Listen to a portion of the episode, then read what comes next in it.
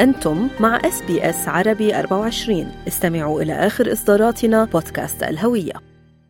في عام 2016 أطلقت SBS وبكل فخر قناة SBS عربي 24 ليتحول البرنامج العربي الذي كان يبث عبر أثير موجات FM فقط منذ عام 1975 إلى قناة تبث باللغة العربية على مدار الساعة. وعلى وسائل الاستماع الحديثة.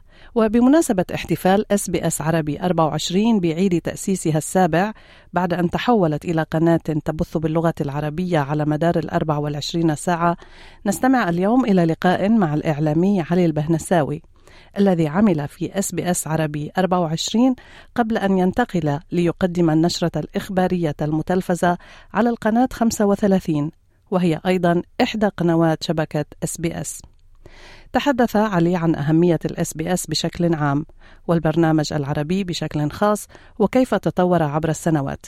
لكنه أعطانا أولا فكرة عن أسباب إنشاء SBS عربي 24 يعني بداية البرنامج العربي إيمان كانت يعني برنامج صغير ساعتين في اليوم. ولكن مع الوقت ومع زيادة أعداد الجالية العربية هنا في أستراليا انتقل البرنامج اللي هو ساعتين في اليوم علشان يكون برنامج على مدار اليوم وقناة مستقلة.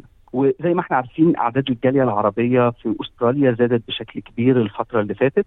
إحنا عارفين إنه سنة 2017 كان في تقريبا 320 ألف شخص بيتكلموا باللغة العربية في أستراليا ولكن السنة اللي فاتت زاد العدد لتقريبا 370 ألف. في مهاجرين كتير ولاجئين جم هنا أستراليا المهاجرين واللاجئين جم من دول عربية زي سوريا والعراق ومصر والسودان.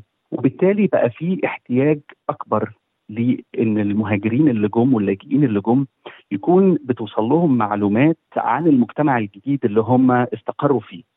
بحيث إن المعلومات دي تسهل استقرارهم في أستراليا. علشان كده انتقل البرنامج العربي من مجرد بث لمدة ساعتين في اليوم لإنه يكون قناة مستمرة على مدار اليوم. ومش بس كده يعني كمان القناة دي ما عادتش على الراديو فقط ولكن أصبح هناك أيضا ظهور على ال digital وعلى وسائل التواصل الاجتماعي. إن تحدثنا على ال digital الآن ووسائل التواصل الاجتماعي طبعا SBS واكبت هذا التطور. لماذا برأيك؟ يعني لم تكتفي بفقط البث الحي حتى لو كان راديو رقمي ولكن أيضا توسعت لشغل حيز أيضا بوسائل التواصل الاجتماعي؟ السبب الرئيسي هنا هو اختلاف عادات الأشخاص في استخدام المحتوى. قبل كده إحنا كلنا كنا بنستنى نشرة الأخبار بتاعت بالليل أو المسلسل اللي بيجي بعد نشرة الأخبار. ولكن دلوقتي كلنا عايزين نصل للمحتوى اللي إحنا محتاجينه في الوقت اللي بيناسبنا إحنا. ودي حاجة الراديو ما بيقدرش يمكن يوفيها ولكن ال digital بيقدر إن هو يقوم بالدور ده. وبالتالي SBS قررت إن هي ما تبقاش فقط راديو بيتم إذاعته في ساعات معينة ولكن يكون هناك في وسائل إلكترونية الأشخاص اللي عايشين هنا في أستراليا يقدروا يخشوا على الوسائل دي في الوقت اللي هم عايزينه. يعني أديكي مثال البرنامج الجميل اللي حضرتك بتقدميه انت وهناء البرنامج ده موجود بيتذاع في ساعة معينة من اليوم ولكن الشخص اللي هو يمكن يكون في الشغل أو مش هيقدر يسمعه يقدر يخش على ال website ويسمع آه الإعادة بتاعته الفقرات المهمة اللي ممكن تكون بتتناول الهجرة أو بتتناول مشاكل الاستقرار في أستراليا أو نصائح علشان الشخص يقدر يشتري بيت أو يأمن معاش التقاعد بتاعه النصائح دي كان ممكن تضيع على الأشخاص لو هي فقط في بث راديو. ولكن دلوقتي SBS عربي 24 بتنزل النصائح دي بالمقاطع الصوتية بتكون موجودة على ال website وبتكون موجودة أيضا على منصات الاستماع الصوتي زي Spotify أو Apple Podcast أو Google Podcast وبالتالي بسبب إن يعني احتياج الأشخاص اتغير وعاداتهم في استخدام المحتوى اتغير كان لازم إن إحنا كمان نغير طريقة إيصال المحتوى للأشخاص عشان تناسبهم. ما رأيك بالتفاعل أيضا يعني إن أخذنا مثلا منصات مثل فيسبوك أو إنستغرام هناك أيضا مجال للناس ليبدوا آرائهم هذه الفرصة للناس كيف تقرأها؟ أعتقد إن هي فرصة مهمة جدا وإحنا في SBS بصفة عامة في SBS عربي 24 لما كنت بشتغل هناك أو حتى دلوقتي وأنا بشتغل في التلفزيون. يعني إحنا في غاية الاهتمام وفي غاية الإنصات للي الأشخاص بيقولوه على هذه الوسائل. لأنه ده بيعدل من مشاريعنا المستقبلية وبيغير من أدائنا. آه الناس على فيسبوك وفي بعض الأحيان على صفحة SBS عربي 24 بتلاقي 800 تعليق و1000 تعليق على المواضيع المهمة وكمان المواضيع الشائكة إحنا يعني الطبيعي إن إحنا بنستمع للأشخاص وبناخد آرائهم دي محل الاعتبار وبنحاول نغير أدائنا أو نعدل أدائنا في المستقبل. ده موجود في الراديو ولكن موجود بشكل أقل. طبعا ده حجمه أكبر بكتير على وسائل التواصل الاجتماعي لأنه ما فيش عامل الوقت وإن إحنا محتاجين ناخد خمس تليفونات بس أو عشر تليفونات بس. مئات الأشخاص إن لم يكن الآلاف ممكن يعملوا كده فده ليه دور مهم جدا في تعديل الأداء. علي إذا نظرنا إلى الماضي يعني وبدايات ال SBS وكيف نشأت. من أجل فعلا تقديم معلومات عن ال Medicare يعني تصور كيف تطورت هذه الإذاعة وكيف نظرت الإدارة والحكومة الحكومة الأسترالية أيضا تعرف يعني مدى أهمية المحتوى الذي تبثه SBS بالتحديد بأستراليا. شو رأيك يعني بهذا التطور؟ مثلا من فقط كان هناك ساعة في الأسبوع أو ساعتين إلى آخره. هذا التطور طبعا على مدى سنوات طوال.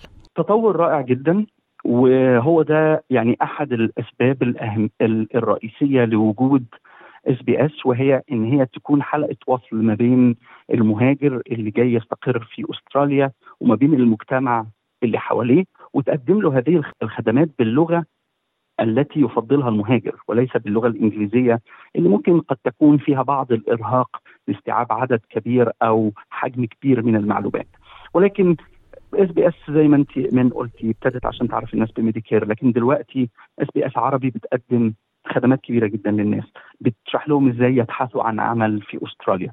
ودي مرحلة مهمة جدا من مراحل استقرار المهاجر في البلد الجديد.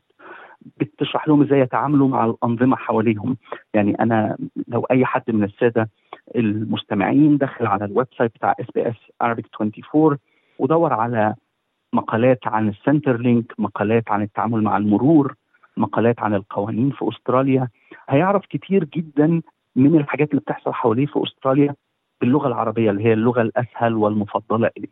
ولكن إحنا كمان كنا في عدد كبير جدا من المقالات والبودكاست والفيديوهات عن إزاي تشتري منزل، إزاي تستقر بعيلتك، تودي أطفالك انو مدرسه وده الدور الرئيسي اللي إحنا بنلعبه. عندنا منتج اللي هو منتج دليل الاستقرار ومن اسمه هو دليل بحيث إن المهاجر يقدر إن هو يستقر في أستراليا ويقدر ينتقل من مرحلة الاستقرار إلى مرحلة المشاركة المجتمعية. ودي نعم. يعني خطوة مهمة جدا علي حضرتك أيضا عملت بالإعلام في مصر وفي بلدان أخرى أيضا منها ألمانيا والولايات المتحدة كيف بتشوف دور الإعلام هنا مقارنة بالدول العربية؟ أعتقد دور الإعلام هنا في في أستراليا وفي عدد من الدول يختلف بشكل كامل عن الدول العربية. أغلب وإن لم يكن كل هقول أغلب الإعلام وسائل الإعلام في عدد من الدول العربية وليس كل الدول العربية هو إعلام موجه. وبالتالي هو إعلام موجه من السلطة إلى الأشخاص. ولكن الإعلام هنا في أستراليا هو إعلام الأشخاص والأفراد والمواطنين. بمعنى إن المواطنين احتياجاتهم هي اللي بتحركنا في العمل. آه احتياج الأشخاص إن هم يعرفوا حاجة عن الانتخابات أو عن التأمين الصحي أو عن معاش التقاعد هي اللي بتخلينا كصحفيين نعمل البحث بتاعنا ونكتب المادة ونقدمها على الراديو أو على الديجيتال ولكن في الدول العربية الإعلام في كثير من الأحيان هو إعلام موجه من السلطة وبالتالي قد يناقش بعض مشاكل المواطن ولكن ليس كل مشاكل المواطن.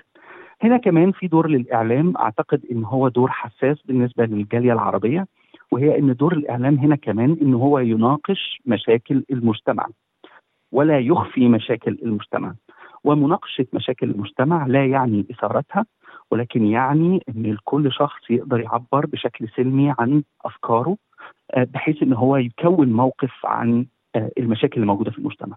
طبعا في عدد كبير من المجتمعات العربية ده غير موجود لأنه ده بيعتبر عملية من عمليات التهييج للجماهير. والحقيقة رغم إن إحنا بنناقش هنا مشاكل كبيرة جدا وصعبة ولكن عمرنا ما شفنا إن الأشخاص اللي بيسمعوا لينا آه، قاموا بأي فعل غير قانوني. بالعكس. نعم. الناس بتسمع وبتكون موقف.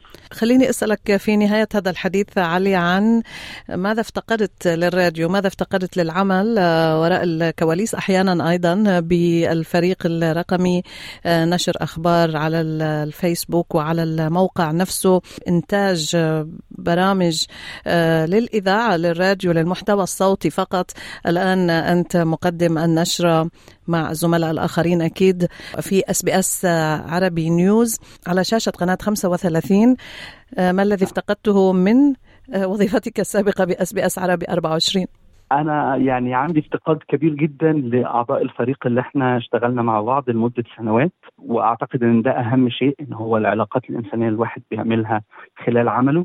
كمان بفتقد آه، إنه من خلال العمل في ال digital في رد فعل سريع جدا الشخص أو الصحفي بيشوفه لما الناس بتتعامل مع المحتوى اللي حطيناه على ال social media على سبيل المثال أو المحتوى البودكاست على طول ال softwares اللي موجودة بتقول لنا مين شاف ده مين ما شافش عدد الناس وهكذا. في حين إن التلفزيون ال process دي بتاخد وقت أطول بكتير. فيمكن الزملاء في الراديو أكتر شيء افتقدته وكمان التواصل المستمر اللي مع المستمعين والمستخدمين لل digital tools وازاي الواحد يعرف إيه اللي هم حبوه وايه اللي هم ما حبوهوش. نحن نفتقدك أيضا علي بعملنا المشترك مع بعضنا البعض وقد قمنا يعني بتحقيقات صحفية مشتركة أنت وأنا.